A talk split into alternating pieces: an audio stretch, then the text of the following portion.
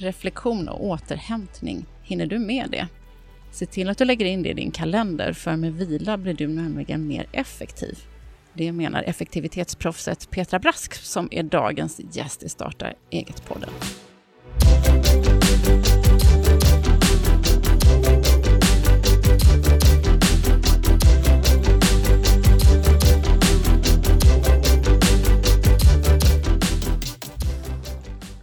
Hej och välkommen till Starta eget-podden med mig, Jasmine Bayramåle. Man pratar mycket om lean i företagsvärlden, hur man får ut maximal kundnytta med minimal insats. Och nu är det dags att vi vänder lean-metoden mot oss själva.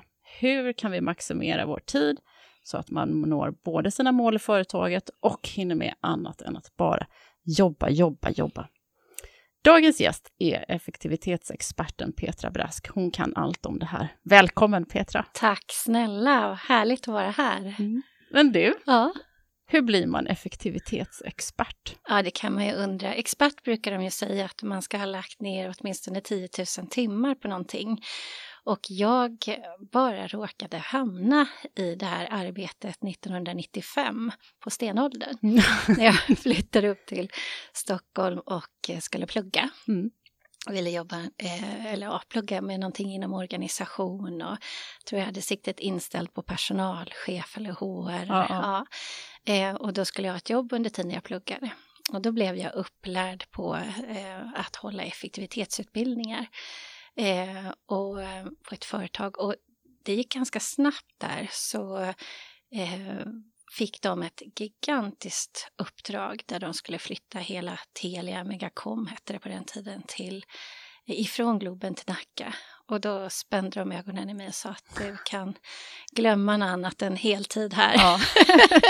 och sen by the way, låtsas som att du har gjort det här hela ditt liv eh, för att vi behöver en erfaren konsult nu. Ja, fake it till you make Så, it. ja, så jag, verkligen. Och jag hade en, en sträng och duktig mentor som eh, lärde upp mig. Jag var som ett plåster på henne, sög i mig allt eh, hon sa som hade då eh, både examen i pedagogik och metodik.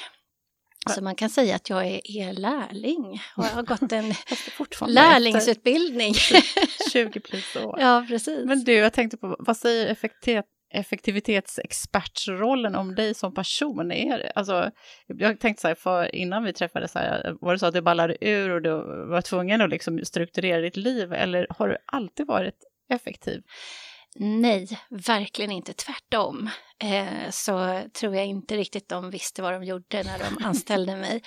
Eh, jag är grym tidsoptimist. Jag får alltid multiplicera tiden med pi för att komma i tid.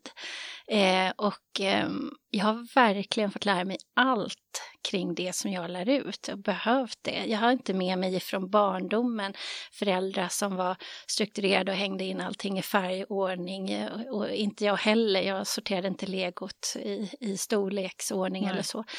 Kände du någon som gjorde det då? Eh, ja, men jag, eh, min man, han eh, har, har växt upp med föräldrar som är väldigt ordningsamma och det är mycket struktur och planering och så vidare. Jag kan bli lite avundsjuk på det. Men å andra sidan så ehm, eller snarare inspirerad ska jag säga. Eh, men å andra sidan så har ju det också gjort, tror jag, att det här är min passion. För för mig blev de här verktygen livsavgörande. För mig har de betytt så mycket, det här att kunna strukturera upp tillvaron och eh, frigöra tid och energi. Det jag alltid har haft är ett driv, att jag på något vis vill eh, lära mig saker, att jag vill eh, utveckla och utvecklas och att jag vill dela med mig av, av det jag lär mig. Så det drivet har funnits. Det, det är lite bra att du säger det, för jag tänker, för vi har ju den här Starta eget-podden och sen så gör vi även eh, en podd som heter Business Hacks och så gör vi dessutom en podd som heter eh, Ordinary People Who Do Badass Things. Och det, de är lite, har ju lite olika inriktning, men Ah, det är också tanken där liksom att man ska kunna lyssna, inspireras, ta till sig det som man gillar. Mm. Eh, man kan växa lite på varje person som man pratar med, ah, tänker jag. Så. Det är så viktigt att, och också att vi får inspireras av varandra och speciellt de där dagarna när det är tungt att vara eh, företagare eller tungt att följa sin dröm och de där dagarna när vi undrar, gör jag verkligen rätt saker nu? Lägger jag eh, verkligen min tid i, i rätt skål nu. Och, eh, och då, då, tror jag att det är otroligt viktigt att bli inspirerad av andra och höra att deras väg var inte heller spikrak. Den är ju sällan det. Den är ju sällan det. Men du, du har skrivit en bok som är vänd till vuxna som heter Vem bestämmer över din tid? Och sen har du nu även skrivit en bok vänd till unga ah. som eh, heter Koll på tiden. Ah. Eh, om du tittar tillbaka under de här 20 åren, har vår inställning till effektivitet ändrats under den här tiden? Varför, varför är det ingen som har koll på tiden längre? Varför upplever alla att man går omkring och är stressade? Ja, det där är så spännande för att när jag började jobba med det här då mötte jag ungefär en person per eh, år som satt med darrande underläpp och sa vad är det för fel på mig? Varför får inte jag ihop tiden som alla andra? Eh, och sen eh, bröt de ihop, blev väldigt ledsna. Mm. Eh, många fick gå hem och bli sjukskrivna, men det var som sagt en per år ungefär och nu möter jag minst en per vecka eh, som, som ställer den här mm. frågan. Och eh, jag tror att det här är en samhällsfråga eh, faktiskt. Vår, eh, vår syn på eh, tid och vår syn på resurser och saker som vi ska klara att hinna med på den här tiden. Det, det förändras ju väldigt mycket från förr när man då kanske hade, man mätte sin arbetstid mer från åtta till fem och där skulle du prestera. Mm. Eh, Medan nu är det mer att du ska leverera någonting och eh, timmarna, ja det får du väl lösa bäst du vill och kan då. Jag säger inte att det är så på alla arbetsplatser, men det är faktiskt så på en hel del arbetsplatser idag. Och där det också blir en konkurrens, vem kan leverera snabbast och till bäst kvalitet? Eh, och jag tycker också att man märker att eh, det, det, det, ska, det går fortare så att besluten kommer mer ut på individen att fatta beslut i stunden. Eh, där man förr kanske hade mer hierarkier och så. Precis, men vi går ju mot agila organisationer. Det är, känns ju som det här århundradets ledord. Ja, verkligen. En, en, en gigekonomi som då tänker jag det är positivt för företagare. Mm. Det här att man kan då eh, hoppa in och göra eh, mer eh, ja, man kan ha flera olika jobb och mm. flera mm. olika arbetsplatser och så vidare. Men det kan ju också innebära en stress. Och det blir en stress när man skär ner på resurser mm. för människor också. Fixa det här nu. Så det, för jag tänkte att, det, att alltså jag vet inte vad jag tänker, men jag tänker att det är ibland också, när, för vi i media är ju väldigt duktiga om att skriva om också all problematik mm. kring stress om det kan vara så att man läser in saker i sig själv, att, att liksom, kan man skilja på upplevd stress och faktisk stress? Ja, men det är liksom? bra att du säger det. Jag tror att det första man måste plocka till sig där, det är att stress är ju någonting som är väldigt viktigt för oss människor. Det finns ju i oss för att vi ska överleva. Så det är en viktig mänsklig mm. signal att vi reagerar på saker. Eh, men jag tror att just den här upplevda bristen på tid kan vi ifrågasätta. För mm. att alla har ju 24 timmar per dygn. Så är det ju. Jag tror att det är en av de få riktigt demokratiska saker vi har i världen idag, ser de här 24 timmarna. Alla föds alla dagar. Ja, ja men det är på, på, något sätt. Och, eh, men det är det vad vad ska du hinna med under dygnet? Och det är det jag menar med den här titeln, vem är det som bestämmer över din tid egentligen? Och när man slänger ut den frågan till, till kursdeltagare så brukar ju svaret bli, ja det är i alla fall inte jag. Att man känner att ja, men det är min chef eller det är min sambo eller det är min eh, mina barn eller mm. deras aktiviteter, det är Outlook-kalendern. Eh, och där tror att det är väldigt viktigt att säga att ja, de är intresserade av din tid, väldigt starkt mm. intresse. Mm. Men du är den enda som är med 24 timmar per dygn, så du behöver ta tillbaka mandatet till dig själv och se att okej, okay, de här timmarna har jag, hur kan jag förvalta mm. dem så att det räcker till för att vara en människa? Det vill säga hinna sova, äta och få tillräckligt med rörelse, hinna med tid med min familj och tid för återhämtning och reflektion. Och här ser jag ett dilemma då när man, för att svara på din fråga, när man kommer ut just med effektivitet. Den eh, kan nästan kännas som en förolämpning idag. Eh, vad då ska vi lära oss personlig effektivitet? Herregud, jag springer ju så mycket, mm. eh, jag håller ju på att ta koll på mig själv. Vad det, ja, varför är du här? Och där blandar ju människor ihop effektivitet och produktivitet. Jag ser det ofta och jag hör det ofta. Att, att effektivitet för mig det är ju att nå ett mål med minsta möjliga ansträngning. Egentligen att få mer gjort utan att jobba mer. Medan produktivitet för mig det är just det vi håller på med nu när vi springer fortare, hetsar, pressar, trycker in saker. Eh, så så man måste skilja på dem. Det handlar inte om att du ska trycka in mer under tiden utan att du ska ifrågasätta vad är det som har hamnat där. Och när jag ställer den frågan till deltagare, okej, okay, vi säger att du får en timma över nu då. En timma som bara är din timme. Vad skulle du vilja ägna den åt? En timme per dag? Eller samla ihop den få sju timmar på en vecka? Vad skulle du vilja använda den tiden till? Vad svarar då? Ja, först blir det blankt. Jag behöver också tänka, vad skulle jag svara? Ja, vad skulle du svara, Jag har ingen Jasmin? aning. Ingen aning? Alltså, fast jag tror att jag skulle hamna vid telefonen. Du skulle alltså, hamna vid telefonen? Nej, men det, alltså, det, är, ja. det är inte långt ifrån. För att det känns som att ibland när man håller på, håller på, håller på och så liksom när man väl ska sätta sig ner så är det som att ja, jag skulle ju egentligen vilja då kanske måla eller, ja. eller göra någonting kreativt. Liksom. Ja. Men så känner man så, men gud, samtidigt så vill jag bara stänga av huvudet. Liksom. Ja. Och då eh. tror vi att vi gör det vid telefonen. Ja, det, och det är, är precis fel. tvärtom. Ja, precis. Och där ser man ju bara de senaste tio åren när vi verkligen har klivit in i den här digitala eran att det som har förändrats det är inte att vi sover mindre och jobbar mer eller, eller har ännu mer sysslor hemma eller så, utan det som har förändrats det är den egna personliga tiden.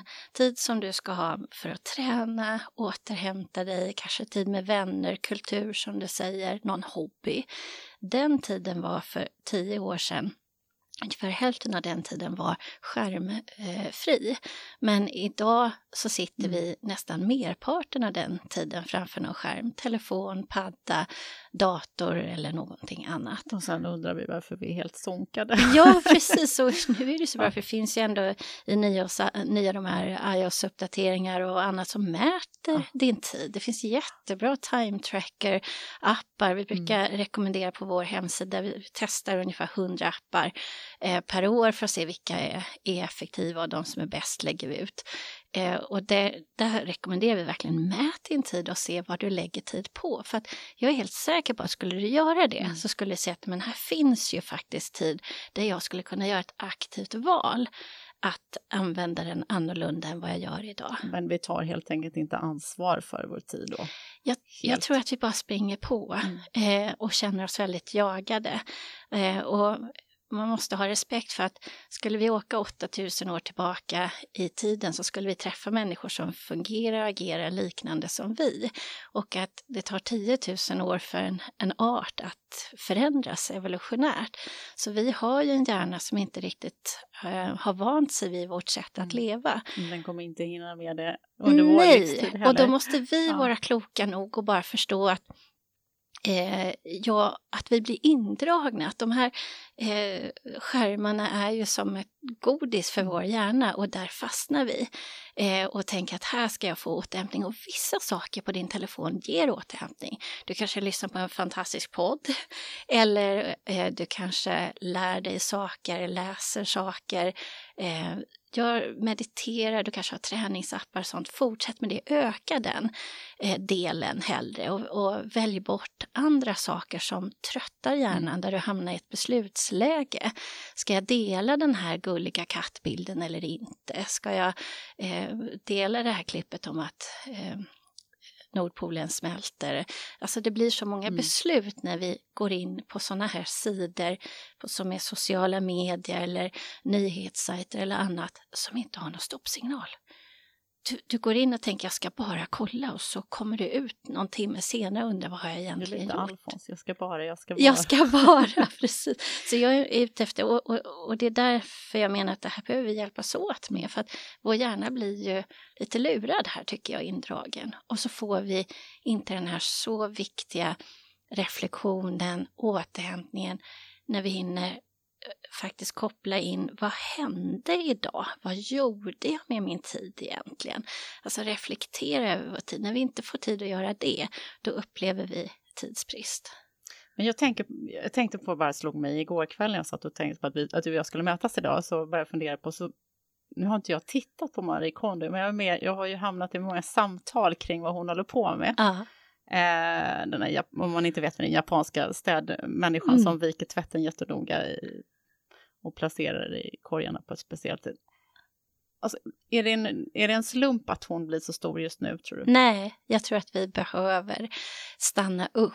Jag tror att det finns ett enormt behov av att stanna upp och att det, när jag började jobba med det här 95, då var det så rörigt omkring oss. Alltså jag kunde komma till deltagare vars rum, det var bara fyllt med papper. Du hittar nästan inte deltagaren sist du såg bakom alltså, en jättestor pappershög. Bilden alltså, av ett professorsrum. Ja, ja, och det, de var överallt, de rummen kan jag säga.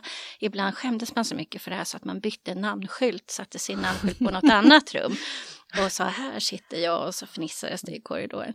Den röran flyttade ju sen in i datorerna. Så där hade man ju hur mycket som helst där, det har man ju fortfarande. Det kan ju vara liksom uppemot 100 000 mejl i inkorgen och massor med öppna dokument på skrivbordet och så vidare. Men den största röran som jag ser hos människor jag möter idag, den sitter i huvudet. Det är som att det nästan är blanka ansiktsuttryck mm. ibland, att vi är inte här när vi det är här. Det låter jättesorgligt. Ja, ja, det är sorgligt och, och samtidigt så eh, är det vad det är? Och då tänker jag att det finns ett behov av ordning och reda. Att det finns ett behov av mm. struktur och av att stanna upp. För det jag, har inte jag sett varenda avsnitt med henne, men det finns ju något slags mindfullt i det hon gör. Att stanna upp och att man titta ska på varje sak titta och, på varje sak och, och, och, skänka en, ja, tacksamma tankar eller göra någon slags ritual. Och jag tänker att det där vet jag, jag har ju varit en del i Asien och utbildat också. Och de frågar varför är ni så stressade i västvärlden? Kan det bero på att ni helt har tappat er tro och er kyrka och er religion mm. där? Att ni inte stannar upp på söndagarna längre? Och jag tror inte att eh, det behöver vara lösningen att alla börjar gå i kyrkan igen. Men jag tror att vi behöver eh, mer av den här eh, vanan av att stanna upp. Att få vila och återhämtning idag för att kunna vara effektiva och faktiskt tillföra värde till vår tid. Det handlar om att, att eh, göra ett aktivt val. Förr i tiden kanske vi inte behövde det på samma sätt. Vi kom hem och vi, det, det fanns lite mellanrum mellan det vi gjorde. Men idag när allt eh, går snabbt och lite dikt an det ena börj mötet börjar när, när det förra slutade, så är det ett aktivt val att lägga in eh, pauser, återhämtning. Jag brukar prata om tidskuddar precis som krockkuddar i kalendern. Jag tänker vi kommer till de grejerna ja. sen, men jag tänkte, nu är det här starta eget på. Det här är för dem då som har startat eller som står i begrepp mm. att starta.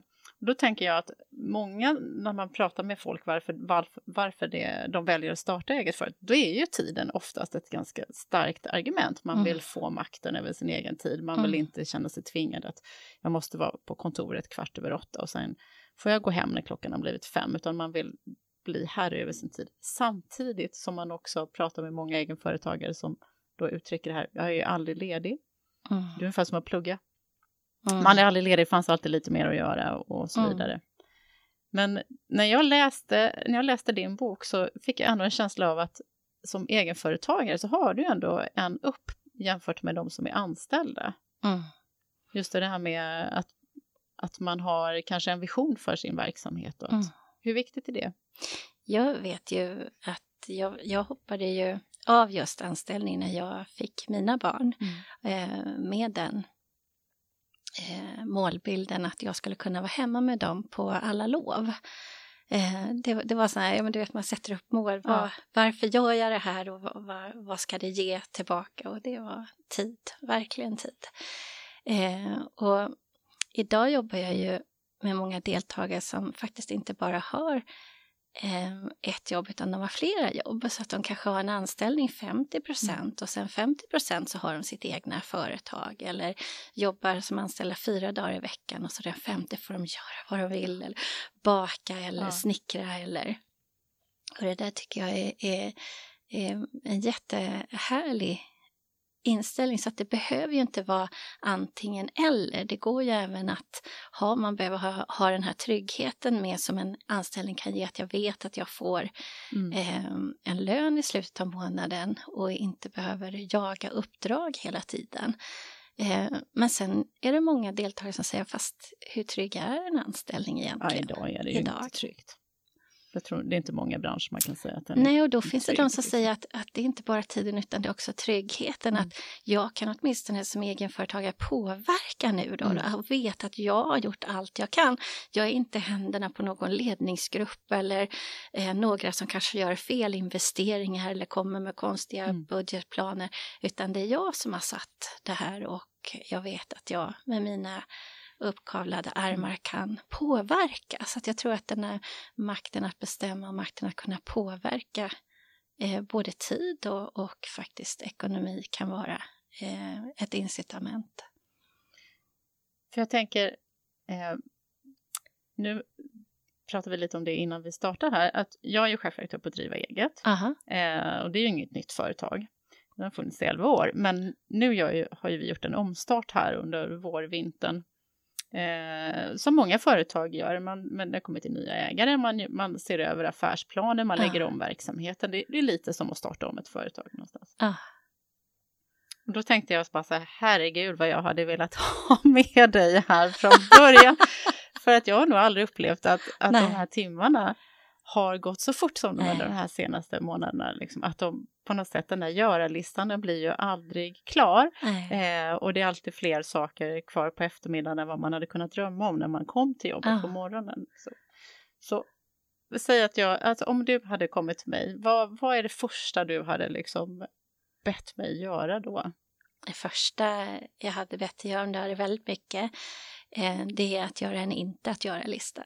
Finns det några saker vi kan ta bort nu? Mm. Eh, och det gäller både privat och jobb. Har du några dåliga samveten som hänger över dig? Går du upp och tänker vi borde byta köksluckorna eller renovera på vinden eller bygga om garaget eller vad? Finns det någonting vi kan ta bort nu när du har högsäsong på jobbet? Eh, och finns det någonting på jobbet också som går att rensa och ta bort eller delegera eller dela med flera? Eh, och sen hade jag bett dig göra en prioritering på de sakerna. Eh, och se, okej, okay, om, om du bara fick göra en, två eller tre av de här sakerna, vilka skulle du göra först då? För att många gånger så gör vi precis tvärtom, att vi försöker beta av det som går snabbt och är enkelt och sen så är de här lite större men väldigt viktiga sakerna kvar när vi går hem. Och så försöker vi göra dem på kvällar och ibland helger och nätter när hjärnan är väldigt trött. Och så får man inte i ett uppstartsskede den återhämtning man behöver för att kunna tänka de här kloka tankarna och ta de här viktiga besluten. Så det hade jag börjat med att, att eh, bara, du sitter ju som eh, den som är mitt i det, så det, det kan ju inte jag, du, du är ju experten på ditt arbete, men jag hade bett dig ta ett steg tillbaka bara för att få lite distans och överblick. Men hur ofta är det då du möts med, men det här, jag kan inte ta bort något av det här? Alltid. Alltid, ja. ja för det tänkte jag också bara så, ja, vad ska jag ta bort? Alltså, ja, ja, men jag, det... ser, jag ser inte det. Hur, hur, får man hjälp att se det? Liksom? Jag hade, jag är en hel del ute på skolor också och sitter ofta med rektorer som är på väg att och gå in i väggen. Mm. Um, och då ser man, då kommer jag ju oftast i ett skede när det har gått ganska långt. Mm. Eh, och då säger de också det går inte att ta bort, allt måste göras. Och då brukar jag fråga, vad skulle du behöva för att känna att du har kontroll igen? Känna att du, att du har fast mark under fötterna? Ja, då skulle jag behöva stryka eh, två dagar i min kalender. Två dagar som är helt rena och jag bara får jobba ifatt. Ja, men då gör vi det. Nej, det går inte, säger de då. Men om du får välja på det och att fortsätta så här, kanske någon vecka eller någon månad till och sen blir du sjukskriven ett mm. halvår Eh, och då är det inte till nytta för dig själv, för din familj eller för, för din arbetsgivare. Vilket skulle du välja på då? Två dagar kontra ett halvår. Och eh, ah, nej men då, då, då, då tar jag hellre två ja. dagar. Så att det, man måste ställa eh, en sån insats i relation till vad kan det här ge just nu. Och i stunden så är det fullkomligt naturligt att du känner att du inte kan välja bort något för att din gör, att göra-lista har precis blivit som tio lejon som jagar dig på steppen. Och det är inte naturligt för oss då att stanna upp och ifrågasätta de här lejonen om de kommer äta upp dig eller inte, utan du tror att om du inte gör det så kommer du att dö. Det är ju så som hela, hela mm. stresspåslaget fungerar. Så därför är det så viktigt då att ta hjälp utav någon kollega, vän eller chef eller någon perso klok person, mentor, någon coach, någon du kan bolla med och bara säga du, eh, som kan bara ifrågasätta, är det här verkligen sant? Vi tar, vi tar inte ett steg, vi tar två mm. steg tillbaka, är det verkligen sant på riktigt då? Jag ser det här eh, ofta när jag har jobbat och coacha ungdomar i det här också, så jag är ju ny på jobbet. Du är också ny på jobbet. jag är också ny på jobbet. Eh, och, och det är verkligen något jag bara har blivit indragen i. Eh, och, och där är det väldigt mycket att man har hamnat i känslohjärnan, amygdala. Och när man hamnar i bara känslohjärnan, vad är det som händer då? Ja, då försvinner ju logiken, då försvinner ju vårt, vårt eh, sätt att resonera logiskt kring, eh, stämmer det här verkligen? Och vi känner oss jagade och hetsade och pressade och allt bara måste bli klart på en gång. Och då eh, kan man göra en så enkel sak som att man bara skriv ner vilka saker är det då?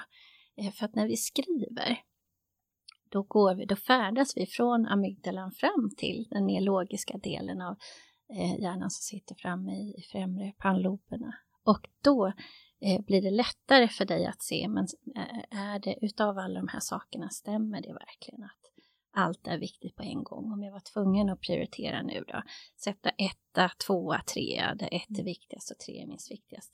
Hur skulle jag göra? De flesta människor när man ber dem göra en sån enkel sak, sätt ett, två, tre på det här, så kan de se att allt inte är ettor. Och till och med börja eh, sätta lite för många ettor i början, men sen gå tillbaka och ändra. Och ganska snart ser man att ja, det kanske var tre, fyra saker som var ettor som behöver göras först. Då börjar du med det.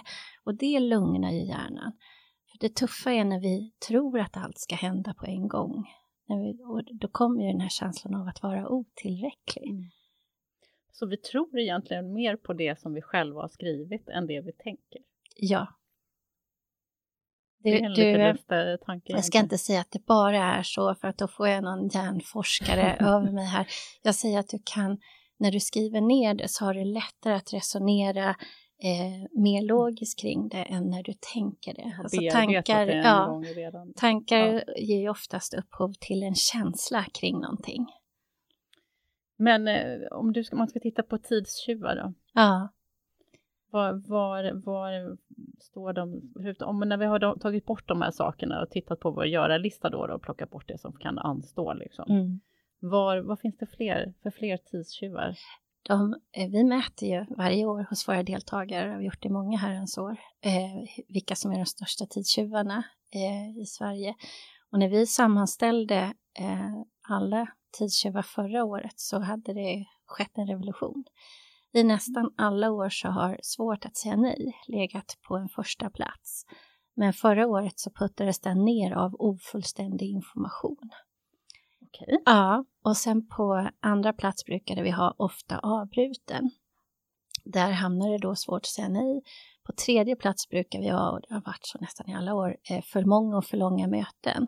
Men där dök det upp en tidstjuv som tidigare har legat på typ ja, elfte, tolfte plats.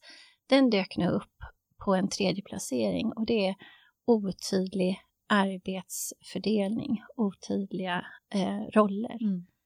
Eh, och eh, otydliga ansvarsområden. Och det här tycker jag är sorgligt för att vi får en ökning av information och ifrån så många kanaler. Idag kan du som egenföretagare få en, eh, en order via, eller förfrågan via LinkedIn, via Messenger, mm. alltså via dina sociala medier. Det kommer ju inte i mejlkorgen längre utan det kommer på, eller inte bara i alla fall, utan det kommer från så många olika ställen. Eh, och eh, på något vis så ska du i all den här informationen som kommer till dig så ska du då kunna sålla ut vad är mm. viktigt här. Då ser vi att ju mer information vi får, ju otydligare blir det.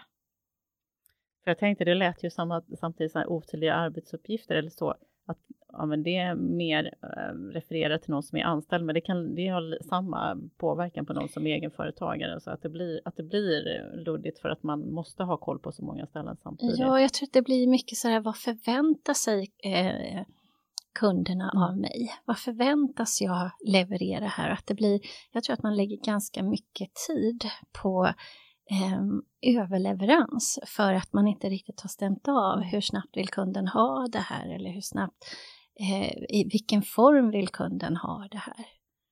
Men vad, vad kan man göra av det då? Är det att vara extra tydlig när man lämnar en offert eller liksom att man stämmer av med vad jag vad ingår? Vad... Jag tror att man alltid ska, det kanske alla företagare är väldigt duktiga på, men att stämma av förväntningar. Mm. Vad förväntar ni er av mig? Eller vad förväntar ni er av den här produkten? Eller hur snabbt förväntar ni er den här offerten? Eller vad det nu är. Att man eh, att man stämmer av det. Jag tror att ibland så bara kastar vi oss över saker för att det är som man glad att man har fått en förfrågan förstås och sen bara snabbt är bra. Mm. så, eh, och det är det ju ja. många gånger, men ibland kanske vi sätter orimliga eh, krav på oss själva där. Och när förväntningarna inte är uttalade ifrån eh, vår omgivning, då går vi på en alldeles egen lista och det är våra förväntningar på oss själva.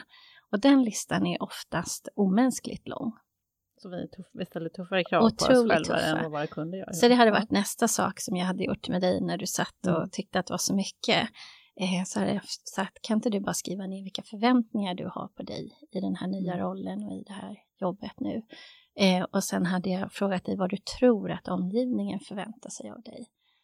Eh, jag vet att... Eh, Fast går det att säga? För tänk, jag tänker som om jag, har, om jag har vissa förväntningar på mig själv tänker jag inte då att det är omgivningens förväntningar Exakt, också? det är det det gör. Ja. Och har du inte skrivit ner dem så kan det där vara en ganska lång och orimlig mm. lista. Och det är där jag menar med att det är så viktigt att skriva ner vilka förväntningar har jag eh, på mig själv för att se är det här mm. ens rimligt för någon eh, individ att leva upp till. Jag tror att vi eh, ibland försöker springa eh, benen av oss för någonting som ingen annan har bett oss att uppnå. Du, du, tar ju upp också, så jag tyckte var en rolig grej i boken, just man kommer, för jag tycker att om jag tittar på min dag så kan jag tycka att ja, inkorgen på mejlen, den, den är orimlig. och det bara rasar in och det, och, och det rasar inte ut i samma takt på något Nej. vis. Liksom. Nej. Eh, då har ju ni räknat fram en kostnad mm för vad, vad kostar det att öppna ett mejl? Berätta om hur... Ja, vi räknar ut hur många mejl du får i genomsnitt ja. per dag och hur många mejl du skickar i genomsnitt per dag. Eh, och sen har vi tagit emot en snittlön i Sverige och sett vad det då blir mm. eh, i tid. Och då har vi sett att det är, och vi har ju jämfört med hur, hur mycket tid man lägger på mejlen, för det har vi också eh, fått våra kunder att rapportera in. Och då har vi sett att det blir 20 kronor per mejl. Så sätter du fem personer på CC så kaching är det hundra spänn. Och alltså, det är alltså, mer än det portot. Är ju verkligen så här, alltså man vet ju att man lägger väldigt mycket tid på mejlen. Ja. Men när man ser en prislapp per mejl så blir ja. det lite så här mindblowing. Ja, men jag tycker alltså att då måste vi börja ifrågasätta ja. den här överinformationen. Att det är ju på något vis eh, eh så kostar ju den ja. samhället väldigt mycket. Ja, men, och sen tänker jag också bara så här, eh, när man bara ska sitta och, och radera de här mejlen, som man bara när man ser dem eh, på rubrikraden så vet man att jag kommer inte öppna det här. Liksom. Men det är ju också det där att det också är information, alltså återigen, ha nu kommer de där igen. Men jag tycker det är så viktigt där att lära sig sitt mejlprogram. Vi utbildar ju ständigt i det här och sitter med deltagare och verkligen visar dem hur du kan sätta in regler så att det som har låg prioritet i mejlen automatiskt rensas ut så att du kommer direkt till det som verkligen är mm. viktigt för dig. Hur mycket blir man av med där tror du? Med regler, där kan jag ju se med deltagare som har 70 000 eh, mejl i inkorgen att det kan ju minska till hälften. Så det är ganska stor mm. mängd mejl som du kan ta bort med bara regler eller automatsorteringar. Eh, och sen givetvis skriva av sig från sådana här listor, men det tar ju också tid. Mm. Man, man kan åtminstone klicka att det här är skräppost, det här vill jag aldrig mer se. Och sen finns det också mycket teknik idag där du kan eh, lägga in mallar, och, alltså mall, textmallar så att du bara klickar på en knapp och så har du ett automatiskt svar som du bara kan redigera lite i så att man gör det mer personligt till den man vänder sig till. Man inte behöver sitta och randa alltihopa Nej, så att man inte sitter och uppfinner hjulet igen hela tiden. Så att eh, det finns ganska mycket bra teknik idag tycker jag för att hantera eh, mejl. Men sen så måste man ju också tänka så här, vi kan ju inte lära oss att bli experter på att hantera mejl och sen glömmer vi att ifrågasätta varför har vi mejl överhuvudtaget? För att det finns så många andra bra program idag som eh, du kan använda för att minska just mejlkommunikationen internt. Eh, och det är bäst att jag säger fler märken här nu. men du, du tänker organisationsprogram? Eller liksom, ja, ja. Nej, som Teams till exempel ja. är, är, är, ett program som Microsoft har. Det finns eh, andra program i, i, som Google också har som, som påminner det om detta. Asana, det finns Det finns äh, jättemånga, precis. Finns massor, ja, ja, men som, där du har eh, projektgrupper mm. och där du har kommunikationstrådar och där man kan kommunicera kring eh, de dokument man har och, och, där det mer blir en tråd som du följer. Och där du också har sökverktyg är så snabbt kan söka rätt på trådar. Då behöver du bara följa den information som är relevant för dig. Och då slipper du att sitta i, i inkorgen och hantera sånt som faktiskt inte rör dig. Och det har vi sett hos vår, några av våra kunder att det har nästan till utplånat mejlkorgen. Eh, och då har man sett att mycket av mejlen har handlat om intern kommunikation. Mm. Och det är eh, bättre att då hantera i den här typen av grupper där man kan mötas istället. Så det kommer, jag, jag tror faktiskt att vi, vi, när vi tittar på och mäter mejl och mejlflöde så ökar det inte, utan det har börjat planats ut till och med. Eh, men däremot ser vi att det kommer ju flera mm. ställen som vi får information på. Ja, för det kan jag säga, för nu sitter jag i, i min vardag så sitter jag och jobbar med eh, ja, det är kommunikationer i Skype, det är mm. Workplace, det är det är Google Drive. Skype har ju gått in i Teams nu. Ja, och, mm. så, och sen så har eh, Asana sitter och jobbar med också. Ja. Och sen så har man olika sådana här eh, videokonferensuppkopplingar eh, ja. på ännu fler ställen. Ja. Så, så, jag kan ju bara bli helt bara Ja, visst. Man blir också shit, när får vi en liksom? Ja, precis. och det är, ju, det är ju verkligen ett rop ut till mm. marknaden. Mm. De som sitter och funderar på att starta företag nu, här har ni ett skriande behov. Ja. Och det är ju... då får man ett nytt, då får man ett nytt Google som är bara ja, men det ska, Ja, men det ska vara ja. jättehärligt med ett som organiserar all, all den där informationen. Men du, om man tittar på lin då, liksom, mm. eh, på, om man, på just det här. Hur skulle du, eh, vad finns det där och vad heter de delarna? Vad, hur jobbar man då? Ja, men Lean tycker jag är, är, är väldigt eh, spännande. Det har ju verkligen gjort sitt intåg ända från Japan och hit eh, till produktionen, hur man ska jobba klokt och smart och sen så in då på eh, tjänstemannasidan och in i, i organisationer och företag. Och I Japan så jag, jag träffar en del japaner i mitt jobb också. Att, ja, ni hyllar verkligen lin i Sverige och att eh, vi, vi vill komma till Sverige från Japan för här verkar ni ha så himla bra balans och att man får ha en fritid också. Så är det minsann inte i Japan. Mm. Så det där tycker jag är spännande när man ser var lin kommer ifrån. Jag tycker det viktigaste med lin om man nu för in ett sådant program eller, eller gör en sån eh, insats det är att man utgår ifrån människorna som jobbar i, tillsammans med dig i, di, i ditt företag.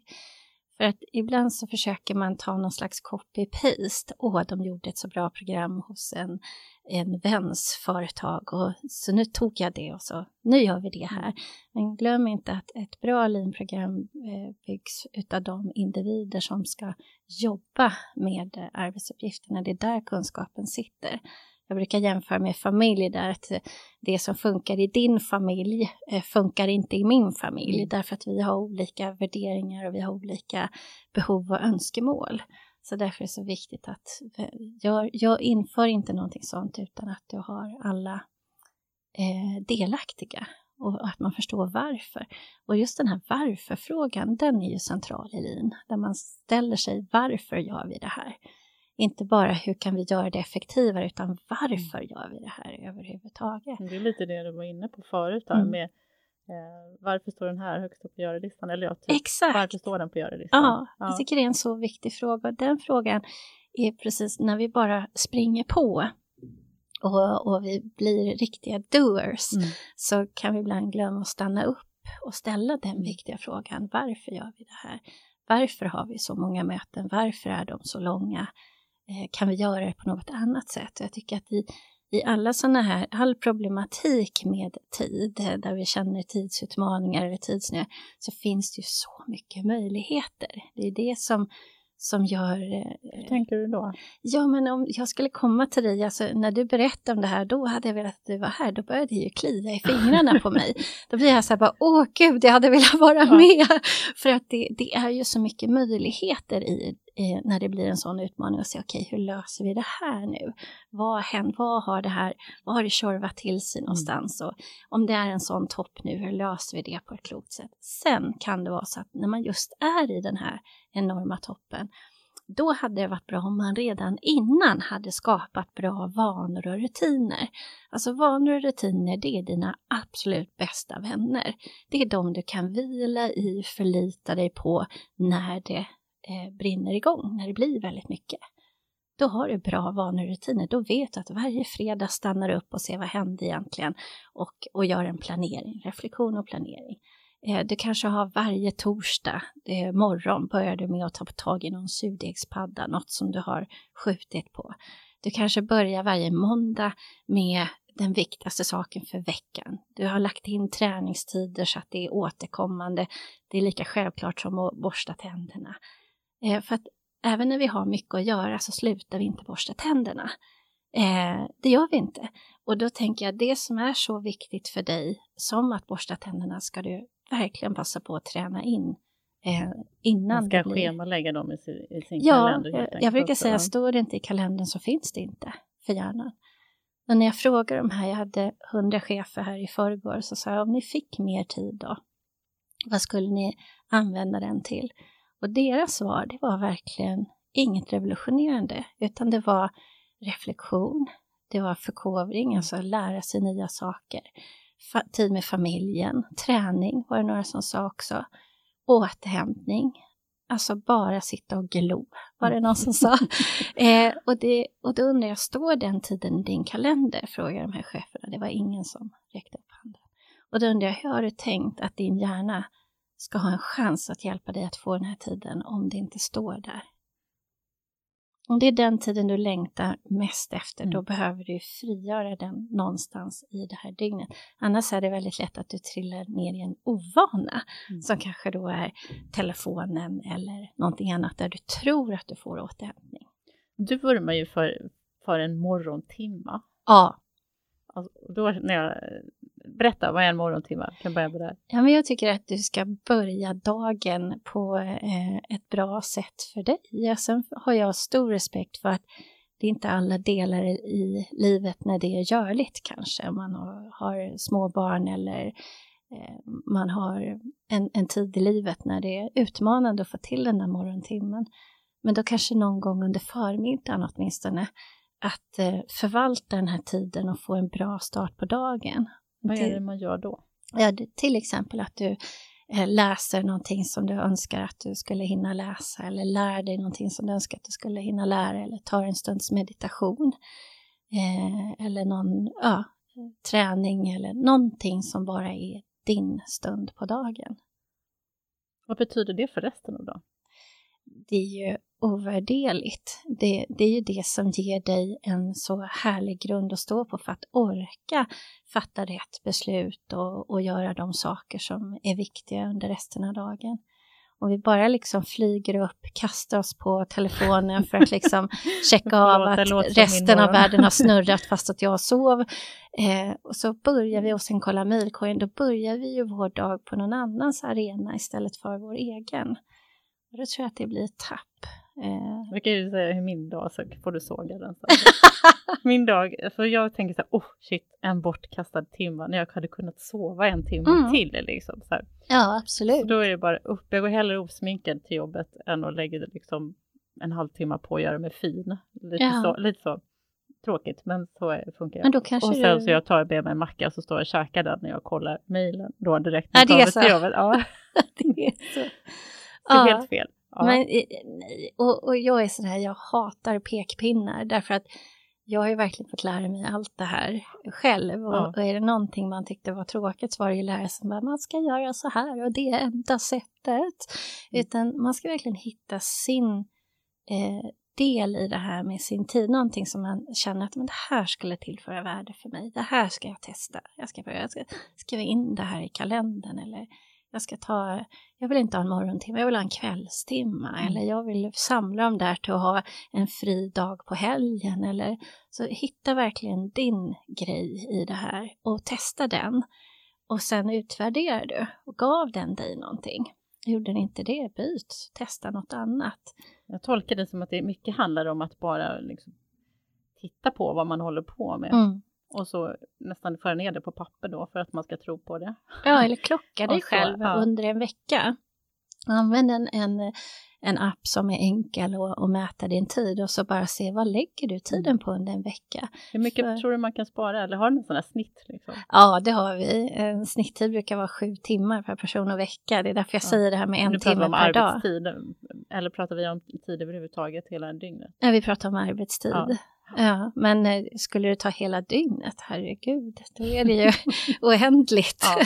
Det är ju det, men det är ju ing- ingen slump att vi tittar på det här med, med sociala medier, att det slukar tre, fyra timmar per, per person Mm. och dag. Ehm, Jag fastnade för en, vi måste börja avrunda nästan snart här, men jag fastnade för en fråga som du tar upp i din bok som Ja. man ska ställa till sig själv. Och då ska man ställa den tre gånger. Ja. Och så då heter det, vad ger det dig att lägga tid på detta? Mm. Då tänker jag, det är ju precis det där du var inne på i början där med att ifrågasätta, är detta jätteviktigt, är detta Mm. inte? Mm. Att man hela tiden, att man ställer det mot Mm. för i vanliga fall tänker jag, när det bara rullar på, och så, då ifrågasätter man inte, man bara gör. Så funkar det i alla fall jag. Jag tror att inte att jag är ensam om det kanske. Men att verkligen bara ifrågasätta. Ja. Det var så jag lärde mig att säga nej. Eh, just att, och det var just under de här åren när barnen var små och man helt plötsligt inte hade den där tiden att, att lägga på, Mm. på jobbet som en hobby.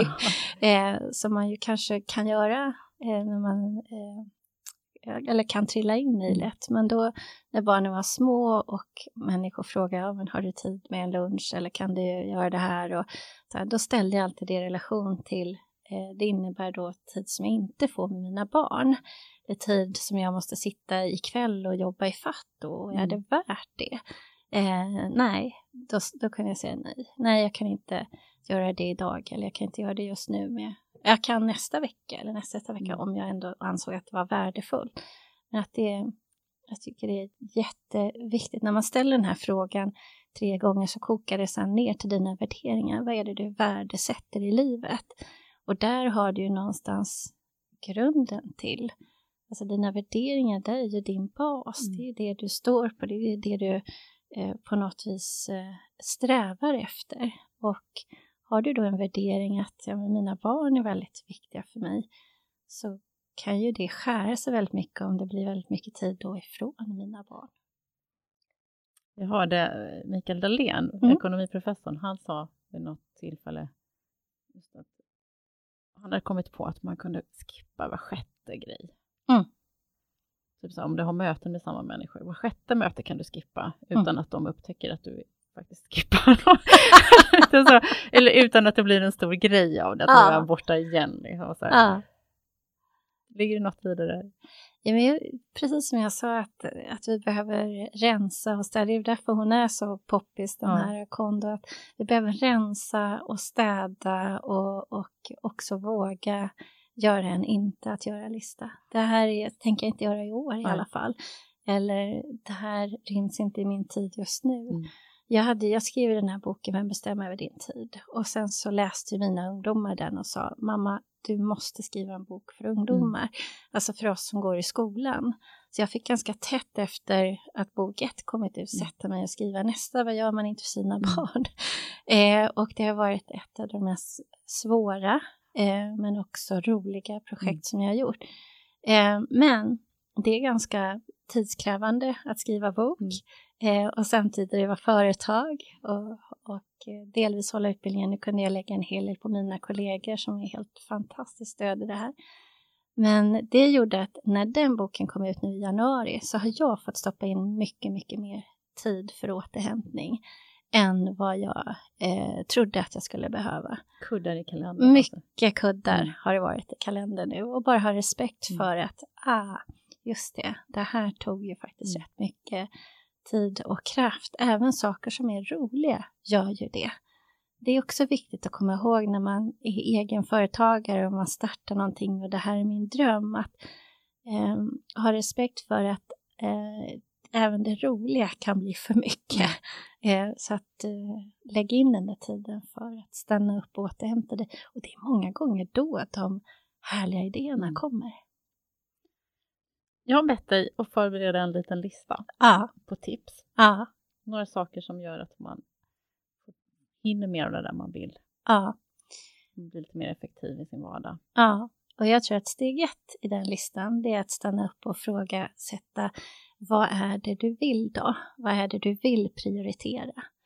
Eh, nästa steg det är att planera in det. Står det inte i kalendern så finns det inte. Eh, och det tredje är att då också säga nej till det som du inte vill och respektera det. Att inte i stunden bara säga ja för att man gör någon annan glad, utan be, be att få stämma av med din kalender se, är det här du vill? Och sen säger man, kalendern sa nej. ja, precis. Nej, men i min kalender ja. ser att det håller inte tidsmässigt. Ja. Låter jätteroligt, men så. Eh, och steg eh, fyra, det är också att börja dagen med det viktigaste. Så att du verkligen kommer någon vart på din lista först innan du kastar ut och blir uppslukad av världen och världens listor och krav på dig. Och steg fem, det är att regelbundet sätta av tid för att reflektera, utvärdera, stämma av dina prioriteringar. Grymt bra! Tack snälla att du kom hit till Starta eget-podden. Det var ett nöje att ha dig här, Petra ja, men Brask. Detsamma. Och jag säger bara stort tack till alla som startar företag i Sverige. Eh, vi behövs, vi företagare. Vi är många och eh, vi behövs. Absolut, jag kan inte instämma i det mer än så. Eh, då var det slut för idag. Starta eget-podden eh, gör det enkelt att starta och driva och växa som entreprenör och företagare, precis det som Petra vill. Följ oss på Podcaster, iTunes, drivaeget.se eller var du nu väljer att lyssna så att du inte missar något av alla våra avsnitt. Eh, nu avslutar vi det här underbara samtalet med lite musik från Soundry. Tack och hej! Tack och hej!